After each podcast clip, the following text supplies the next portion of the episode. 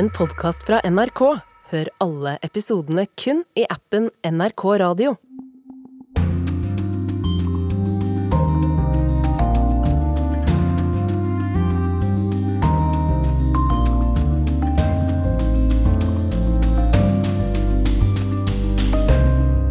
Taper ukrainerne krigen nå? Uten artilleriammunisjon er de i en veldig vanskelig situasjon. Lagrene er kritisk lave, de skyter mye, også granater med norske flagg på. NRKs team takka høflig nei da vi fikk spørsmål om ikke vi ville avfyre denne norske granaten. Men vi kunne selvfølgelig ikke hindre at 'Ja, vi elsker' ble avspilt fra en høyttaler, mens den ble puttet inn i kammeret og kanonen avfyrt. Og er det egentlig demokrati noe sted i Afrika? Vi ser etter. Dette og mer i denne utgaven av Urix på lørdag. Jeg er Halvard Sandberg.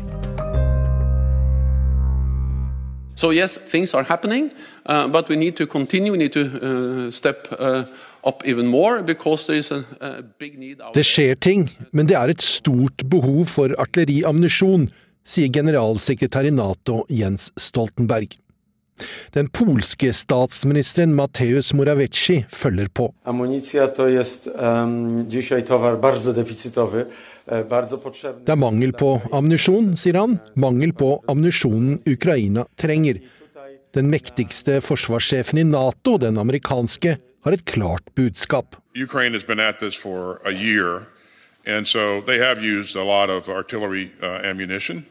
Uh. Lloyd Austin forteller om det meget høye forbruket av artilleriammunisjon, og at det nå er viktig å gi ukrainerne så mye som mulig, så fort som mulig.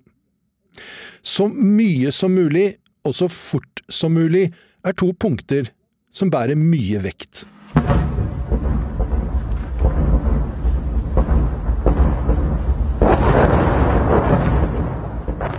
Du hører lyd fra Bakhmut, et spesielt varmt område ved den lange frontlinjen i Ukraina. Her brukes det spesielt mye artilleri fra begge sider. Hver dag skyter russerne ut godt over 10 000 artillerigranater og raketter i Ukraina. Det er anslått at ukrainerne bruker 5000-7000 000 om dagen. Kanskje så mange som 200 000 i måneden.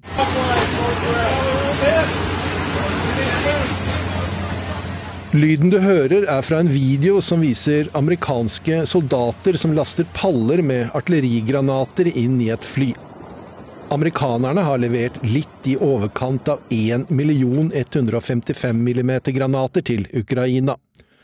Noen hundre tusen til har kommet fra andre donorland, inkludert Norge. Dette er forsendelser som ukrainerne raskt spiser seg gjennom. Hvor dype lagrene egentlig er i donorlandene, er stort sett hemmelig, men de aller fleste signalene tyder på at lagrene begynner å bli kritisk lave.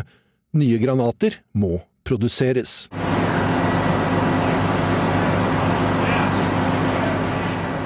Lyden du hører nå er fra Scranton, Pennsylvania, president Bidens hjemby.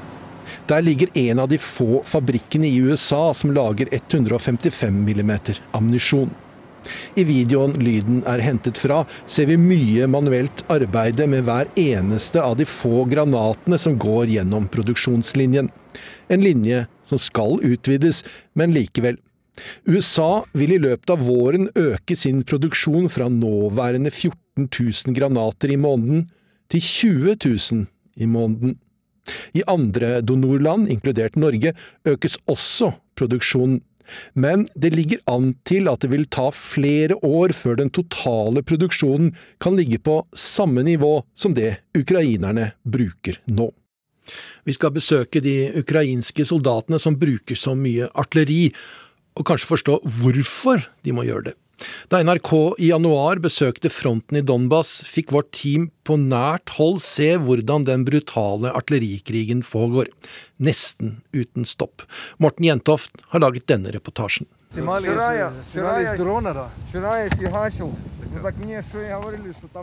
er en kald, klar dag i Danetsk fylke øst i Ukraina. Vi er sammen med Andrijo Alexander, som sammen studerer bilder og videoer på en mobiltelefon. 15-20 meter bak oss står en stor kanon av typen 2A65 MSTA-B, klar til å spy ut 152 mm granater mot de russiske stillingene vel 10 km lengre øst. Разные задачи бывают. Бывает на пехоту ихнюю щемануть. Бывает танчики выпрыгивают с кустов. Oleksandr, den lokale kommandanten, forteller at det er ulike mål de får i oppgave å angripe. Det kan være posisjoner til de russiske styrkene, det kan være stridsvogner, og det kan være artilleriavdelinger. Inne i en lastebil av sovjetisk modell ser vi at granatene ligger strødd langs den ene siden på lasteplanet. Akkurat her ser det ikke ut til å være mangel på ammunisjon, men Serhi, som er etterretningsoffiser og den som henter inn informasjonen om hvilke mål Alexander og hans lille gruppe av artillerister skal angripe, mener behovet nettopp for tung ammunisjon er svært stor nå etter snart ett år med fullskala krig mot Russland. Нам потрібно е, більше снарядів, більше е, великих орудій. Е, Це те, що необхідно. Потрібно дрони. Det er først og fremst granater og ammunisjon vi trenger, sier Serhi, i tillegg til andre våpen. Da Russland gikk til angrep 24.2.2022, viste det seg raskt at landet var totalt overlegen Ukraina når det gjaldt nettopp artilleri, noe som presset de ukrainske styrkene tilbake, bl.a. i Luhansk fylke lengre nord i Donbass.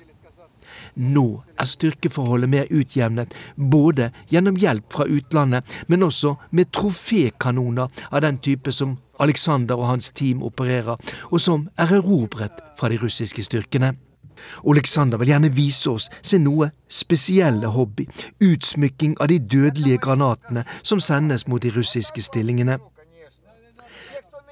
Når NRK kommer på besøk, noe Alexander har fått beskjed om allerede dagen før, har han like godt gjort klar en granat i fargene til det norske flagget, og der det er skrevet 'Ære til Ukraina' på norsk.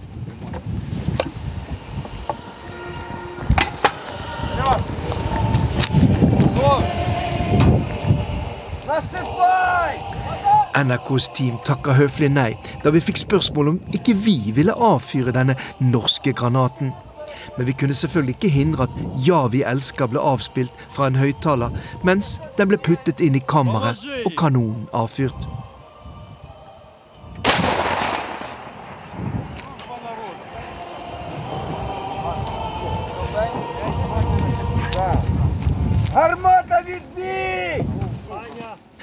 Men det er ikke bare trofévåpen fra den russiske armeen det skytes med ved fronten i Donbass nå. Dagen etter besøker NRK den 72. motoriserte brigaden lengre sør ved fronten.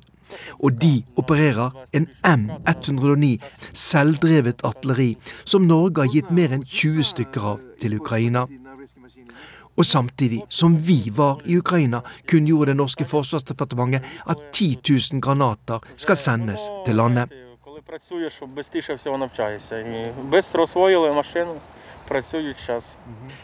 Dette våpenet er lett å bruke, sa soldaten som presenterte seg som Pasha eller Pavel. Og M109-kanonene har spilt en svært viktig rolle i krigen den siste tiden. Ikke minst da de ukrainske styrkene slo tilbake et russisk angrep mot byen Wohledar i begynnelsen av februar, med store tap på russisk side. Vi har avfyrt rundt 40 granater bare i dag, forteller soldaten Igor Ross.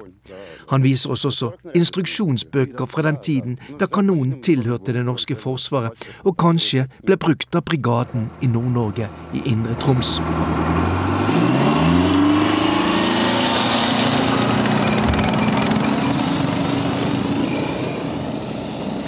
NRK sier nei til å bli med lengre fram mot fronten, der nye granater skal skytes mot de russiske stillingene rundt byen Voledar. Kanskje ikke så dumt. Bare noen dager seinere fikk vi melding om at nettopp denne selvdrevne kanonen var truffet og Igor skadet, dog ikke livstruende. General Odin Johannessen, tidligere hærsjef i Norge, velkommen hit. Hva skal ukrainerne gjøre hvis de ikke lenger har artilleriammunisjon? Ja, det er jo et gedigent spørsmål som du stiller der. Eh, Det har vist seg i denne krigen som i tidligere kriger at fremgang på slagmarken, det krever evne til å benytte presis og tung ild. Og når man ikke har mer kraft igjen å slåss med, f.eks. ved at man går tom, så vil det også innebære redusert evne til å ta tilbake sitt eget land. Men kan de greie å forsvare seg uten artilleriet? Nei. Så da taper de, da? Ja, det er jo det dette her egentlig er. Det er blitt en industriell krig eh, der eh, Ukraina med vestlig hjelp står mot eh, stormakten Russland med hjelp fra Kina, Nord-Korea og Iran. Eh, og, og, og, vi må sørge for at eh, Ukraina ikke taper. Den britiske forsvarsministeren sa det at ja, vi må prøve å få ukrainerne til å bruke mindre artilleri. De må oppføre seg annerledes på slagmarken, slik at de trenger mindre artilleri. Hva, hva er det? Når man leder styrker i strid, så må man jo hele tiden påse at man bruker styrkene på en måte som gir størst effekt. Og det han snakker om, er det vi på fagspråket ofte kaller for styrkeøkonomisering. Man må passe på at man har tilstrekkelig kraft, altså tilstrekkelige styrker, og tilstrekkelig forsyning bak, slik at de kan nå sine mål, og, eller opprettholde en situasjon som de har nådd. Og for, uh, uten at jeg vet helt nøyaktig hva han uh, har tenkt på, men jeg vil tro det går som i at de må gjøre veldig gode og nøyaktige målutvelgelsesprosesser. Altså ikke skyte på alt de ser, eller alt som kunne blitt beskutt, men ta nøkkelinstallasjoner. Hva er det, da? Det kan være ledelseselement. Det kan være forsyningsbaser. Eh, slike ting som raskt får effekt på motstanderens evne til å, å fortsette kampen. Det andre eh, han, det kan være, det, det er at, at man eh, kraftsamler eh, litt i det samme. Man kan ikke drive kanskje operasjoner over hele fronten, men eh, i tid og rom bygger sammen styrker og gir de tilstrekkelige ressurser, slik at de på sin front kan oppnå fremgang. Det går langsommere enn om man ville hatt nok av alt. Men det er den eneste måten man kan møte en sånn situasjon på. Man må justere tempo etter det man har i, eh, bak seg av støtte. Hvis du blir flinkere til å manøvrere på slagfeltet og utmanøvrere fienden, kan du da gjøre det uten at du har så mye artilleri i bakhånd? Du bruker bevegelse istedenfor artilleri? Ja, eh, bevegelse kan eh, gjøre noe. Eh, men effekten av det du ønsker å oppnå, den skapes eh, først og fremst med ilden. Så kombinasjonen av ild og bevegelse eh, er det eh, man er ute etter. Og mangler ammunisjon, så mangler ilden. Og da er det ikke tilstrekkelig kanskje med, med, det andre. Må huske på også at i ild ligger også beskyttelse for egne tropper. Og den dimensjonen må man ikke glemme oppi dette. Takk til deg for nå, general Odin Johannessen. Vi skal til München og til deg, kollega Anders Tvegård. Hva er det du dekker? Dette her er en møteplass som ses på som uh, kanskje den uh, viktigste og største for dem som er opptatt av uh, sikkerhetspolitikk. Sikkerhetskonferansen i München heter det, og det er over 150 høytstående folk som, som, er her. Og noen holder innlegg som kan følges på nettet, men det mest spennende skjer nok i korridorene og det kortreiste diplomatiet der de går på hverandre. Og da får jo selvfølgelig ikke pressen være til stede. Så det er mye som skjer her som vi ikke får ikke får eh, helt greie på, men det er, det er en stor møteplass. Jeg vil anta at uh, temaet vi drøfter nå, støtte til Ukraina, også er noe som er tema på konferansen? Absolutt. Det overskygger alt. Nå i formiddag så har EU-president Ursula von der Leyen, kommisjons, kommisjonens leder, snakket om våpen og ammunisjon til Ukraina. Og hun mener at man skal garantere en militærindustri, at de skal få gjøre det samme som man gjorde med covid-vaksinen, at man garanterer innkjøp. fordi spørsmålet om ammunisjon har jo vært helt helt sentralt. Natos generalsekretær han har vært på besøk i Sør-Korea eh, nylig, hvor også ammunisjon har blitt eh, diskutert. Men absolutt, Ukraina eh, overskygger alt. Vi møtte i går Kyivs borgermester Vitalij Klitsjko. Han gjentok flere ganger at det viktigste nå det er å stå sammen. At det er det som er nøkkelen til fred. Og så var jo Ukrainas president Zelenskyj på videooverføring med budskapet om at det haster om å få flere våpen inn i Ukraina.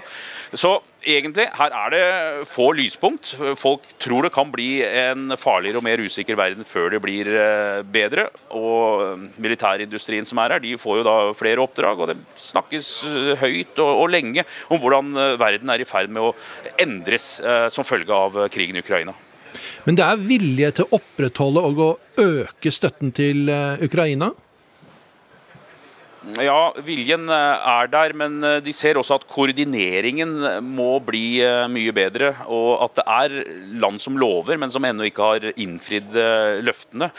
Det er mye forskjellig militærutstyr også som sendes til Ukraina f.eks. Men tanken om trening og opplæring og større og tyngre våpen, den, den tanken har god fotfeste her. Men det er mange på den konferansen etter det jeg forstår, som ikke aktivt har gått ut og sagt at de støtter Ukraina. Ja, og det er eh, noe av det store temaet her. Hva gjør man når eh, autoritære regimer som Kina og Russland i større grad gjør som de vil? Bruker eh, f.eks. militærmakt mot et annet land for å, kontrollere det. Eh, krigen den har enorme ringvirkninger, og da ikke bare for de flere titusen som er, er drept eller millioner som har flyktet fra Ukraina, men også for sikkerheten her og i, i andre deler av verden. Og det er jo det som har vært budskapet til eh, mange av de eh, spesielt afrikanske og søramerikanske lederne her at eh, de bør ta stilling. Rundt 40 land har ikke fordømt eller ikke tatt stilling til krigen i Russland. De har forklart det med at er, de ser på det som en regional krig som de ikke trenger å, å blande seg inn i. Men det blir problematisk når, når de eh, begynner å, å, handle med eh, Russland. F.eks. så kjøper nå India russisk gass. Sør-Afrika har militærøvelser med Russland eh, og, og Kina.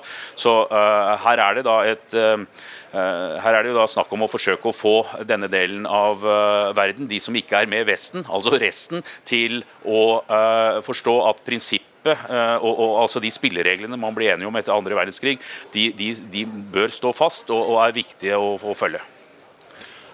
Takk til deg, Anders Tegård. Det er nå klart at Ukraina på et eller annet tidspunkt vil få jagerfly fra noen av nordlandene. Når de kan komme, er uklart. Jeg har fortsatt med meg tidligere hærsjef i Norge, general Odin Johannessen, og dersom ukrainerne får nok fly til å kunne vinne luftherredømmet i Ukraina, vil de da trenge artilleri? Noen av oss eh, har vel aldri våget egentlig å satse bare på fly. Vi eh, må hele tiden ha eh, noe i egen organisasjon eh, som gjør at vi kan oppnå den samme effekten. Altså artilleri og stridsvogner i dette tilfellet her. Det er klart at med kombinasjonen av fly og godt utstyrte bakkestyrker, så vil du kunne ha en optimal miks. Men med fly så er det igjen andre ting. Du skal ha Eh, relativ luftoverlegenhet. Du skal vite at du kan få fram flyene dine. Du bringer inn en ny dimensjon i krigføringen. Eh, og for oss som har operert på bakken, eh, så har vi hele tiden hatt Ja, det er bra og best når flyene er inne og støtter oss, men, helt, men vi må også kunne klare oss uten dem. Hvis nå ukrainerne får nok fly, nok trening, nok støtte til flystyrkene til at de oppnår luftherredømme i Ukraina. Det betyr at det russiske luftvernet er slått ut, og de russiske luftstridskreftene er slått ut. Så ukrainske fly kan operere helt fritt. Mm, mm. Trenger de da artilleri? Nei, flyene kan aldri erstatte artilleriet. Det er et, i beste fall et supplement eh, som kan gi dem en, en, en taktisk og operasjonell fordel. Eh, men eh, de vil aldri kunne fullt ut erstatte godt eh, utstyrte bakkestyrker når det er terreng det er snakk om at man slåss om.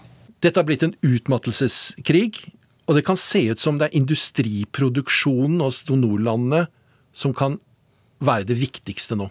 Stemmer det? Ja, det er helt riktig. Vi står nå overfor en type krigføring vi vel neppe har sett for oss i den vestlige verden.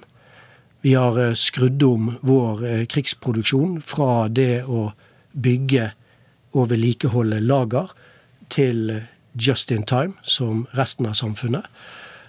Og når vi nå ser at denne krigen trekker ut, det er i ferd med å bli en utmattelseskrig, der to verdisystem står mot hverandre og trenger den respektive industrielle basen Eh, for å gjøre dette, så trenger vi også her i Vesten å skru om vår tenkning omkring dette. Vi er nødt til eh, å bygge lager. Vi er nødt til å sørge for at eh, ukrainerne får det de trenger.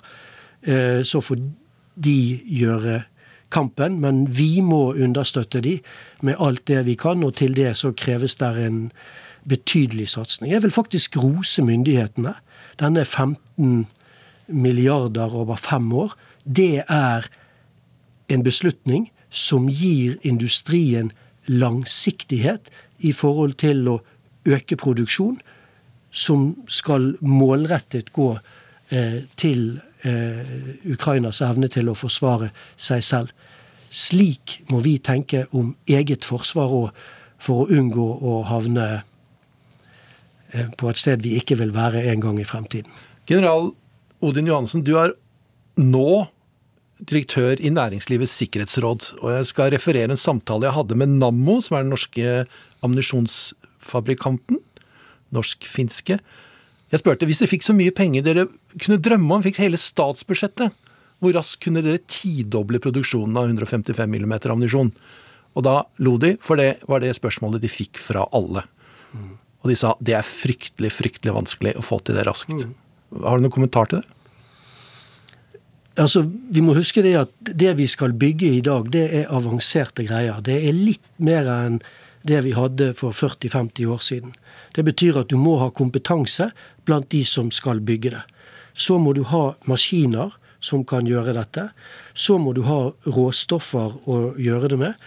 Og så skal vi få alt dette til å passe inn i eh, kommunale og eh, lokale myndigheters reguleringsplaner og slikt. Det er mange prosesser vi skal få til, og, og som skal, vi skal gjennom for å få et resultat her. Eh, jeg jeg syns det er vanskelig å si noe konkret om tid, men, men, men at, at, vi eh, eh, Når vi nå gjør denne, disse endringene og gjør disse investeringene som vi vet gjøres, at vi klarer å opprettholde den evnen, og at vi ikke tenker at ja vel, nå må vi redusere så fort som mulig.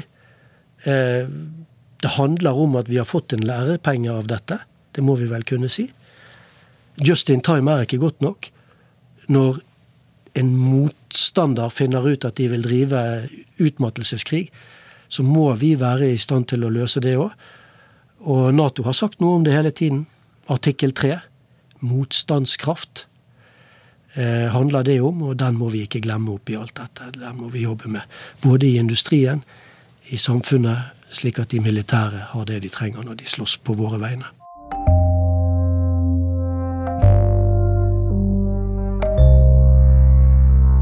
Takk til deg, Odin Johannessen. Nå bytter vi tema her i Urix på lørdag og går til Afrika. Det er bare én uke igjen til presidentvalget i en av verdens fremvoksende stormakter. Av de 220 millionene som bor i Nigeria, er over halvparten under 18 år. Med en så ung befolkning har sosiale medier blitt en stadig viktigere brikke i valgkampen. Vår korrespondent har sett nærmere på mobiltelefonens slagkraft i det nigerianske valget.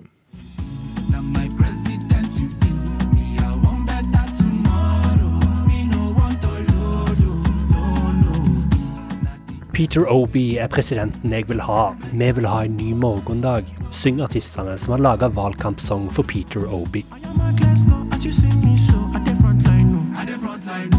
Sangen er hyppig brukt i de ulike sosiale medier, der støtta til 61 år gamle Obi er omfattende. Well, I think he's like Ei ung jente forklarer at hun tror Obi er den smarteste og beste kandidaten.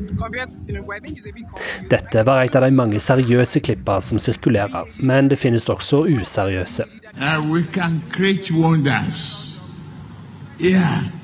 Slik som klippet av talen til den 70 år gamle motkandidaten Bola Tinobo, der han plutselig kommer med noen uforståelige ord. Tinobos støttespillere mener klippet er falskt, men likevel har det blitt brukt aktivt på sosiale medier for å sverte en av de eldste kandidatene.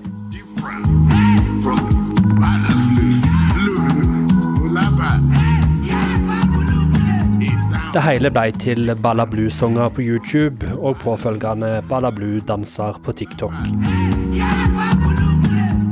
Så valgkampen i Nigeria har på mange ulike vis inntatt internettet. So it's definitely a tool for advocacy. It's a tool for organizing.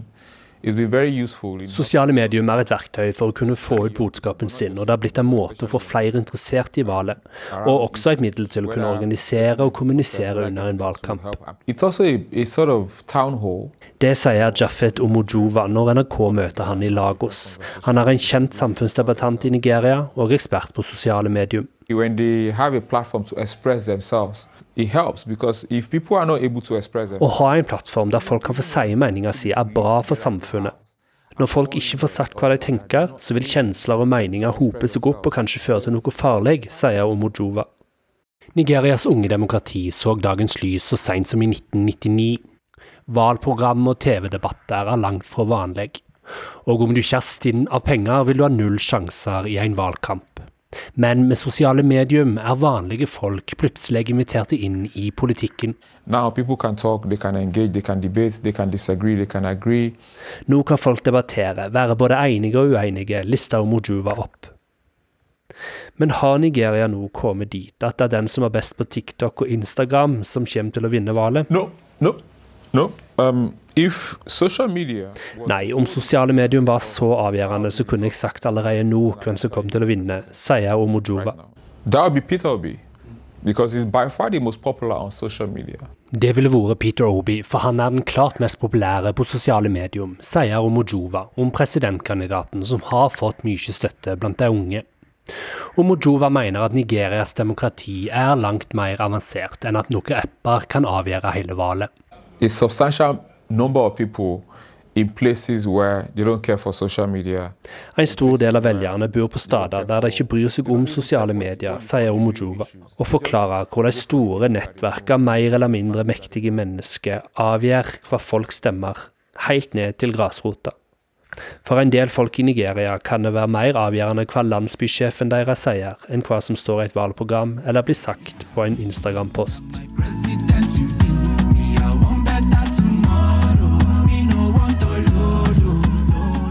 Men både Omojova og andre eksperter er enige. Sosiale medium har endra Nigerias demokrati. Det har ført til mer debatt og mer engasjement, men også mer spredning av løgner og falsk informasjon. Om Peter Obi, presidentkandidaten med mest støtte på internett, også har mest støtte blant folket, det vil han først få vite etter at millioner av nigerianere har lagt fra seg mobilen for ei skakkestund og avgitt sin stemme neste lørdag.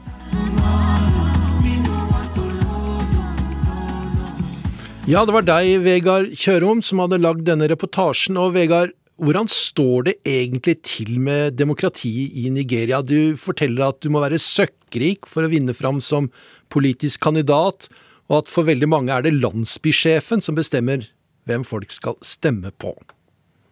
Ja, altså Dette er jo to av flere utfordringer for Nigerias demokrati. En annen stor utfordring er kjøp og salg av stemmer. Men så må vi huske på at, eh, og dette gjelder mange afrikanske land, demokratiet i Nigeria er fremdeles ganske ungt. Det har skjedd store framskritt siden militærstyret tok slutt så sent som i 1999. Eh, og så er det også sånn at eh, Demokratiet sånn som vi kjenner det, det er en modell som er skapt for Europa. Men samfunnsstrukturene i mange afrikanske land er bygd opp på en helt annen måte. Så det moderne demokratiet i Afrika møter da veletablerte maktstrukturer. Og om vi da skal holde oss til Nigeria, så ser vi at det finnes dette nettverket med mektige personer. Alt fra toppnivå ned til landsbynivå. Eh, og internt i disse nettverkene så blir det utveksla penger og tjenester. Eh, og disse nettverkene er så veletablerte og mektige at det er veldig vanskelig å endre på systemet. Det er bukken som passer på havresekken. Om du ikke er rik nok, så klarer du ikke å nå gjennom lydmuren. Og du får heller ikke kjøpt støtte for mange nok støttespillere. Eh, så nigeriansk politikk har lenge vært noe som eliten i landet har drevet på med, og det ser en òg på valgoppslutninga. Den var på skremmende lave 35% ved forrige valg. Men kan vi fortsatt kalle det et demokrati, Vegard, når, eh, når det er sånn som det er der? Ja, det er jo da, hva, hva, er demokrati, blir jo det store spørsmålet da. Um, mange nordmenn ville ikke kalt det demokrati, for demokrati skal være et folkestyre. og Her er det Eh, et system der eliten eh, blir favorisert. Ehm, men så ser vi òg at eh, i Nigeria og flere andre afrikanske land så er det en framvoksende ungdomsgenerasjon som vil ønske seg en tydeligere stemme inn i makt og, og styre. Og, og, det er jo en form for demokrati. Og der spiller jo da sosiale medier en viktig rolle for å både samegne de som har de samme meningene, og organisere disse her bevegelsene som, som kanskje på sikt kan skape et litt mer folkestyre og et litt mindre elitistisk styre. Er det noen land hvor det står litt bedre til, der hvor en delegasjon fra norske storting ville sagt at ja, dette er en suksess? Er det noe sånt nå? Noe sted? Ja, hvis, hvis, disse norske politikerne hadde reist ut til paradisøyene ute i Det indiske hav, Seychellene, Mauritius eller til Kapp Verde i Atlanterhavet, så finner du velfungerende demokrati. Og så har det òg vært relativt god demokratisk utvikling i, i, land som Ghana og en del land i det sørlige Afrika, sånn som Botswana, eh, Lesotho, Namibia. Det som er interessant med Botswana og Namibia, det er og Det er kanskje også en forklaring på hvorfor de har klart å bygge et godt demokrati. Det er at dette er land med relativt små innbyggertall, og samtidig ei dominerende etnisk gruppe, sånn at det ikke blir mye kniving og makt mellom flere store etniske grupper. Eh, og Det er det en gjerne ser i en del afrikanske land, at eh, demografien gjør det utfordrende eh, å skape et godt demokrati, fordi det ligger disse maktstrukturene som har vært der i mange mange generasjoner, som, som ikke nødvendigvis eh, Eh, forsvinner bare fordi en innfører et demokrati. Hvis vi ser hele dette enorme kontinentet under ett, eh, er folkestyret på fremmarsj, eller er det truet? Ja, Det er jo et svært spørsmål som avhenger om en sammenligner med, med 50 eller 10 år siden. Men i, i Vest-Afrika så må vi nå kunne si at demokratiet er på kraftig tilbakegang. Eh, Mali, Burkina Faso og Guinea er alle kasta ut av Den afrikanske union, fordi der har militærjunta tatt over makta uten at det har blitt arrangert nye demokratiske valg. Eh, vi ser òg en negativ utvikling i land som Benin og Togo i Vest-Afrika, og Burundi og Rwanda i Sentral-Afrika. Og Det er spesielt innskrenking av ytringsfrihet og pressefrihet og opposisjonens eh, frihet til å drive på med politikk, som vi ser er veldig trua. Eh, i, i disse landene. Men så ser vi òg den framveksten av organisasjoner og sivile bevegelser som krever mer demokrati. Og Det er her kanskje Afrika står oppe i en brytningstid, der eldre og rike politikere blir utfordra av den eh, stadig større ungdomsgenerasjonen. Da. Og Nigeria er kanskje den virkelig første store testen på hvor sterke disse ungdomsbevegelsene faktisk er, og om de kan klare å skape en varig endring i Nigerias demokrati. Og Det er jo her da sosiale medier Eh, spiller en, en sentral rolle. og ja. Takk til deg, Afrikakorrespondent Vegard Kjørom, for denne ikke helt oppløftende reportasjen og rapporten. Vi fortsetter med det skjøre demokratiet i Afrika, for selv under valg som kan virke greit gjennomført, så kan det ha skjedd mye. En omfattende avsløring har nå kommet fra en gruppe mediehus verden rundt. Et israelsk nettverk som går under navnet Team Georgia, skal ha aktivt påvirket valg i 33 land. Det går frem av opptak med skjult kamera gjennomført av tre journalister fra Haaretz og fransk radio. President Goodluck Jonathan on Thursday kicked, kicked off his presidential campaign. I januar 2015 er det presidentvalg i Nigeria. Situasjonen er kritisk i Afrikas mest befolkede nasjon, da den nordre delen av landet er truet av terrorgruppen Boko Haram. Sittende president Goodluck Jonathan er ikke villig til å vedde alt utelukkende på sitt gode hell.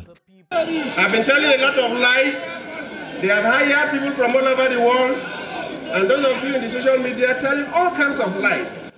Han anklager opposisjonen for å ha hyrt inn folk fra utlandet og å drive med løgn på sosiale medier.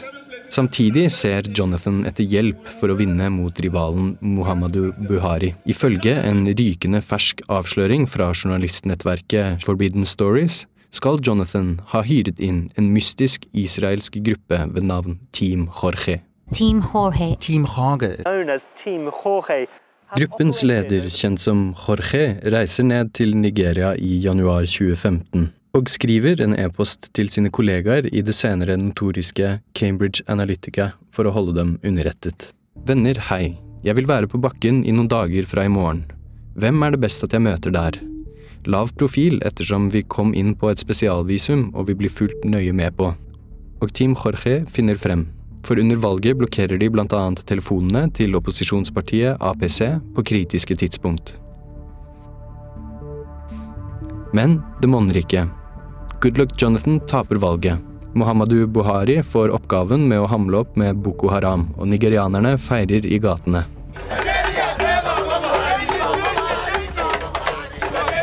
Men dette er et av få tilfeller der valgresultatet ikke gikk i favør Team Jorges kandidat, skal man tro gruppen selv. 33 presidential level campaigns we have completed, 27 of which were successful. I et skjult videoopptak hevder Jorge, eller Tal Hanan, som er hans egentlige navn, at de har gjennomført 33 operasjoner på presidentnivå, og lykkes i 27 av dem. Og mange av operasjonene har vært i afrikanske land. Så hvem er dette Team Jorge? Jorge, som altså heter Tal Hanan, er en tidligere elitesoldat i de israelske spesialstyrkene. Med en armada av svært troverdige falske kontoer på sosiale medier og en evne til å hacke seg inn på selv krypterte meldingstjenester, har israelske Team Jorge i det stille trukket i trådene i verdens demokratier de siste årene.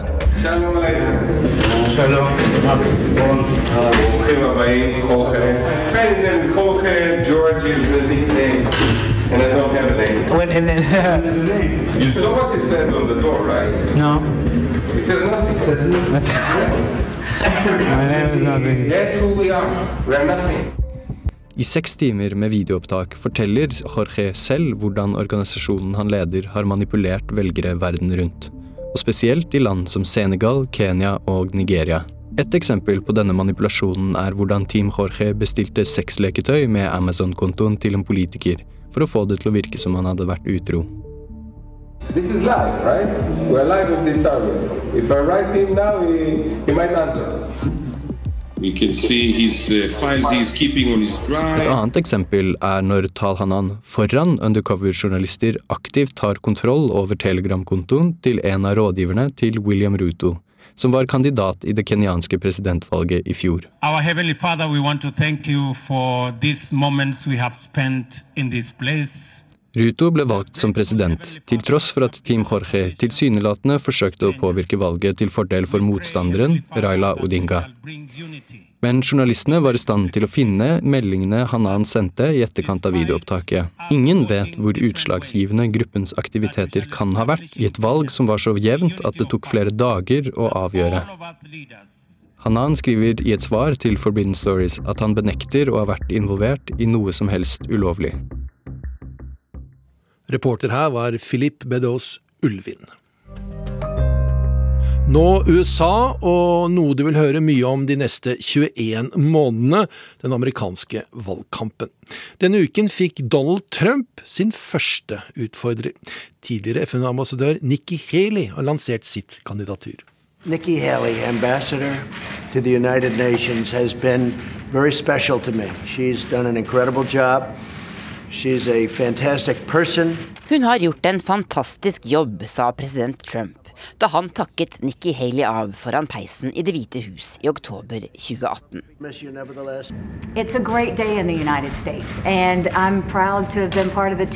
Haley gikk av som FN-ambassadør etter mindre enn to år i jobben. Mange av Trumps medarbeidere fikk ikke like vennlige ord da de gikk.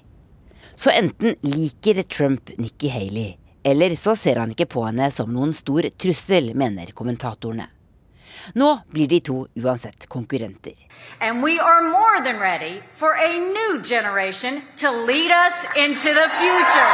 Vi er klare til å kvitte oss med utgåtte politikere og la en ny generasjon lede oss inn i framtida, sa Haley. Nikki Haley er 51 år gammel og kommer altså fra Sør-Carolina, en delstat der det bor mange republikanere, som også er en av de første delstatene ute i nominasjonsprosessen foran presidentvalg. Her vokste Haley opp som datteren til to innvandrere fra India.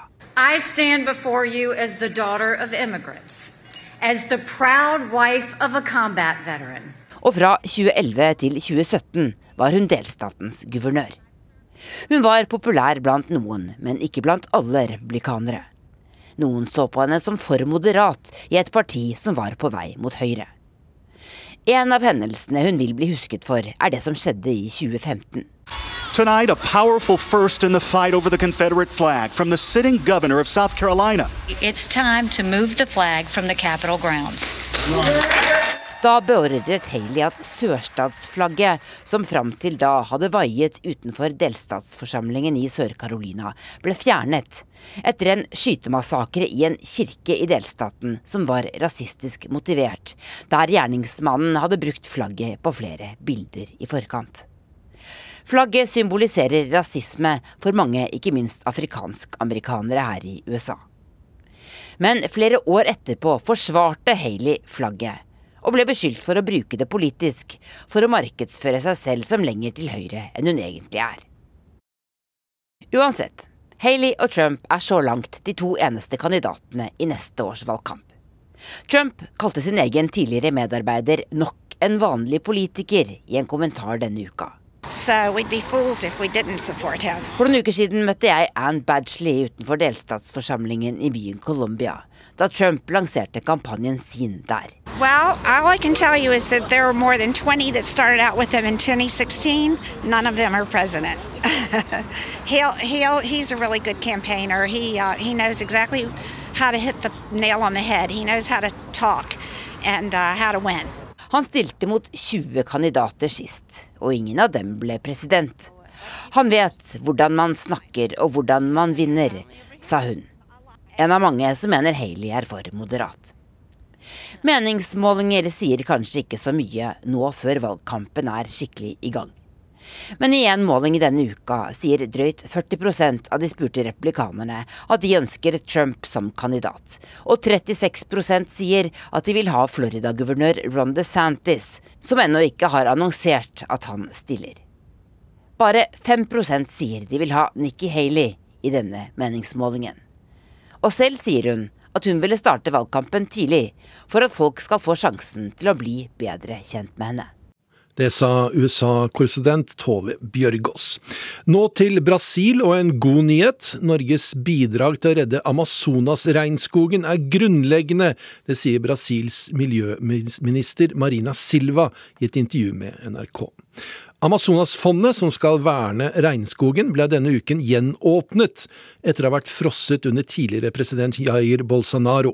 Vår reporter Arnt Stefansen har sendt oss denne reportasjen fra Rio de Janeiro.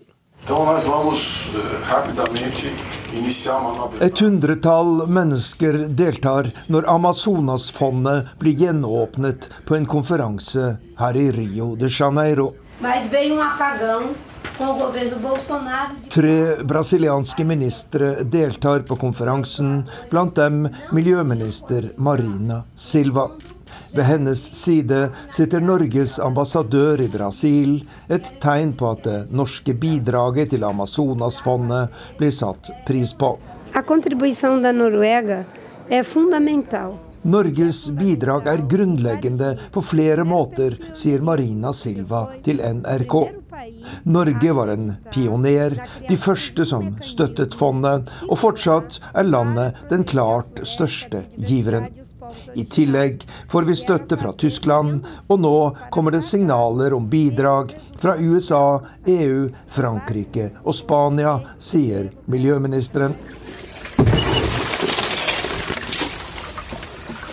Amazonasfondet ble opprettet i 2008 av den daværende Lula-regjeringen, og ideen var å finansiere prosjekter som bevarer regnskogen. Det samme året kom en norsk delegasjon til Brasil for å kunngjøre sin støtte til fondet. Jeg var der da daværende statsminister Jens Stoltenberg kom med følgende kunngjøring ved parlamentet i Brasilia. Norge vil bidra med 1 milliard amerikanske dollar til Amazonasfondet, til vern av regnskogen i Amazonas. Og det vil vi gjøre fordi det er den måten vi kan få til de største, de raskeste og de billigste reduksjonene i utslippene av klimagasser. A Marina Silva. President Lula da Silva kunngjør at Marina Silva er landets nye miljøminister. Det innebærer en radikal endring i miljøpolitikken etter årene med Jair Bolsonaro som president.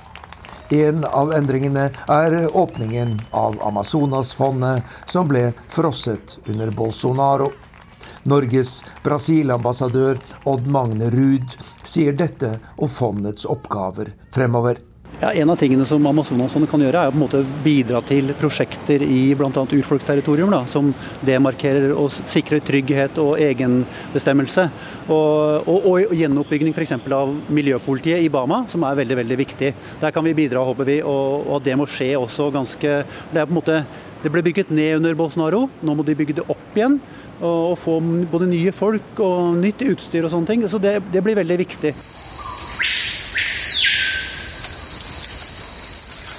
Avskogingen i Amazonas, verdens største regnskog, økte med mer enn 70% i Bolsonaros regjeringstid. Ulovlig tømmerhogst, brenning av skog, kvegdrift og soyadyrking har ødelagt enorme skogområder. I tillegg har omfattende gruvevirksomhet ført til store miljøskader, sier Brasils miljøminister. É um conjunto de criminalidades que fazem com que o Estado tenha que ter um esforço. Det er en kriminalitet så omfattende at staten trenger vesentlig større ressurser enn vi har i dag. Men vi tar nå fatt på denne kampen, og den har høyeste prioritet for vår regjering. Forsvars-, justis-, miljø- og urfolksdepartementet jobber tett sammen for å bekjempe dem som ødelegger regnskogen, sier miljøminister Marina Silva til NRK. O Brasil pode ter um problema, inclusive com as taxas de desmatamento desse ano. Brasils miljøbevegelse er svært positiv til Lula-regjeringens politikk. Men den kjente miljøtalsmannen Marcio Astrini advarer mot å vente raske resultater i Amazonas. Talvez alguns meses aí o governo vai demorar, vai precisar. Det kan ta noen måneder før vi ser resultatene. Den første tiden vil avskogingstallene være preget av den forrige regjeringens politikk, og det tar tid å gjenoppbygge institusjonene som skal verne skogen. Men det viktigste er at man ikke lenger vil la de kriminelle herje fritt, og resultatene vil komme etter hvert, sier miljøkommentatoren Marcio Astrini til NRK.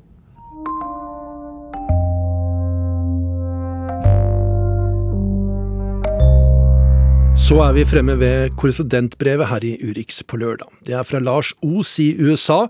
Han har gjort seg noen tanker om amerikansk politi. brutalt, umenneskelig, grusomt å se på.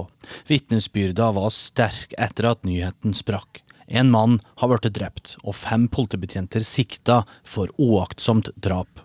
Vi la USA nok en gang eksplodere i vold og opptøyer. Minnene til meg tilbake til 2020. Pandemien raser i landet, og folk er nærmest låst inne i hjemmene sine i USA. Kraftige tiltak har allerede strøkket befolkningas tålmodighet. Og så plutselig dukker en video opp på sosiale medier. 46 år gamle George Floyd hadde betalt sigaretter med en angivelig falsk 20-dollarseddel. Butikken i Minneapolis ringte til politiet. Han ble arrestert, men etter hvert slo panikken inn. Det er snart tre år siden, siden den svarte faren ble kverd under knøet til den hvite politimannen Derek Chauvin i Minneapolis. Politikerne i Kongressen foreslo en ny lov som skulle stramme inn på hva politikk kunne gjøre. Ingen kvelertak eller ransakelser uten forvarsel. Krav om kroppskamera på betjentene ute i felt. Og dødelig vold, ja det skal være aller siste utvei. Kritikerne mente det her var altfor lite, fordi loven gjaldt bare for føderalt politi. Den var til slutt godkjent i et demokratisk styrt Representantenes hus, men datt ifra hverandre i Senatet. Så spoler vi nesten tre år frem, til et veikryss i Memphis, Tennessee, den 7. januar 2023. Litt før halv ni på kvelden blir 29-årige Tyree Nichols stoppa av politiet. Vi vet ennå ikke hvorfor. Politiet er fra Scorpion-avdelinga, ei spesialgruppe som jobber i de mest kriminelt belasta gatene i Memphis. Nichols går ut av bilen og blir raskt overfalt av politibetjentene. Hva har jeg gjort galt, spør han. Etter et basketak kommer han seg løs og springer nedover gata med betjentene hakk i hæl. Men han blir takla og lagt ned i bakken. Og der blir han sleden og sparka. En av betjentene spruter pepperspray i ansiktet hans. Nichols roper på mor si flere ganger, som bor rett ned i gata. En og en halv time etter arrestasjonen i Memphis blir Nichols frakta til sykehus, der han dør tre dager etterpå. I likhet med Floyd-saken gjør Nichols-saken sterke inntrykk. Våren 2020 kom jeg til Minneapolis tre dager etter George Floyd død, og fikk på nært hold se raseriet folk kjente på den gangen. Vårdagene i Minneapolis vil jeg alltid huske. Men i motsetning til Minneapolis, der myndighetene ikke fortalte mye om hendelsesforløpet til å begynne med, kom det drypt og informasjon litt etter litt i Memphis. Delstatsadvokaten ga en fyldig pressekonferanse. Foreldrene til Tari Nichols stilte opp i prime time i TV-intervju. De fortalte alle hvor brutal videobevisene som skulle legges fram var. Men etter å ha vært korrespondent og fotograf i USA i over seks år, følte jeg ikke det samme sjokket som tidligere. Det var vondt å se råopptakene fra kroppskameraene til betjentene. Jeg grøssa av bildene. Men jeg satt òg atte med ei oppgitthet. Hva er vitsen med denne volden? Hvorfor skjer det her? På nytt og på nytt. Skulle jeg reise, slik at jeg var i posisjon for å dekke eventuelle opptøyer? Vi så an situasjonen. Det er normalt at drap og masseskjøtinger blir dekka bredt på TV idet nyheten sprekker. Amerikanske nyhetsredaksjoner var i beredskap fra nyheten om arrestasjonen av de fem betjentene kom, til videoen av hendelsen ble sluppet. Men timene gikk og lite skjedde. Noen vinduer ble knust i sentrum av Memphis. Folk var ute i gatene for å demonstrere, men det gikk i all hovedsak fredfullt for seg. De ropte slagord, mange retta mot politibrutalitet og rettferdighet for folk. Det er flere ting som skiller Floyd-saken ifra Nichols-saken. For det første var politimennene i Memphis svart, i likhet med Nichols. De er i dag sikta for uaktsomt drap, kidnapping og grov tjenestefeil. Minst to personer fra brann- og redningstjenesten har òg mista jobben. Fordi de ikke ga medisinsk hjelp øyeblikkelig da de kom til stedet. For det andre sparka politisjefen i byen betjentene allerede uka etter at Nichols døde. Noe skurra med forklaringene de ga på hvordan de håndterte 29-åringen før han døde.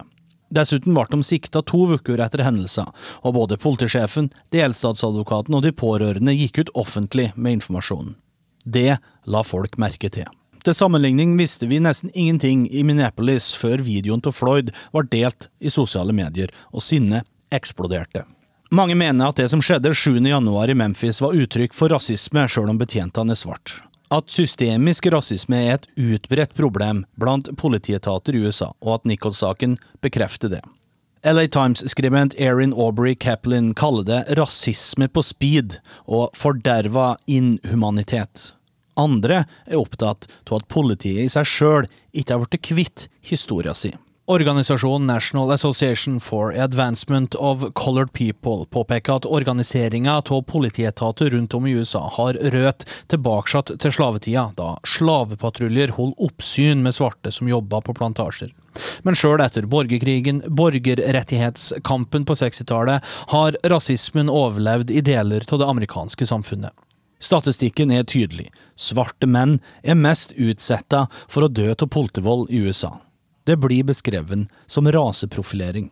Noe som har gjort mest inntrykk i Nichols-saken, var en svart mann fra Ohio som under et intervju spurte hvordan kan en bror gjøre det her mot en annen bror? Når jeg går rundt i gatene i hjembyen Washington DC, er det synlig mer politi i de svarte områdene. I de kriminelle områdene i Washington DC, Minneapolis, Memphis og andre byer lever òg mange fattige og svarte amerikanere. Å vokse opp her gir mindre mulighet for å komme seg ut av vold og elendighet. Så de samler seg i gjenger, blant annet fordi det kan gi en trygghet og stolthet å være en del av flokken. Kriminalitet som salg og distribusjon av narkotika kan òg gi ei inntekt, sjøl om det kommer en stor risiko. Her i hovedstaden øker spesielt ungdomskriminaliteten under pandemien, der tenåringer bevæpna med skjøtevåpen stjal biler på dagtid. Utafor leilighetskomplekset mitt ser jeg fra tid til annen knuste ruter ligge strødd utover veien, mens bilene er tømt for verdier. Og når politiet kommer for å gjøre jobben sin, vet de at de kan utsette seg for fare. Gjerningspersonene kan være bevæpna med stikkvåpen og pistoler, men de kan òg være helt ubevæpna. Eller det kan være vanskelig å bedømme. Enkelte polititjenter velger likevel å svare med en brutal og aggressiv taktikk. Og noen gang ender det med et dødelig utfall, slik som med Tyree Nichols og George Floyd. Og det samme med Duante Wright, Andre Hill, Bironna Taylor, Freddie Gray, Eric Garner og Michael Brown. Ja, det var altså Lars Os som hadde levert oss denne, denne, dette korrespondentbrevet fra USA. Urix på lørdag er over for denne gang. Vi kommer sterkt tilbake neste uke. Teknisk ansvarlig var Mari Janne Myrhol. Produsent var Arild Svalbjørg. Og jeg heter Halvard Sandberg.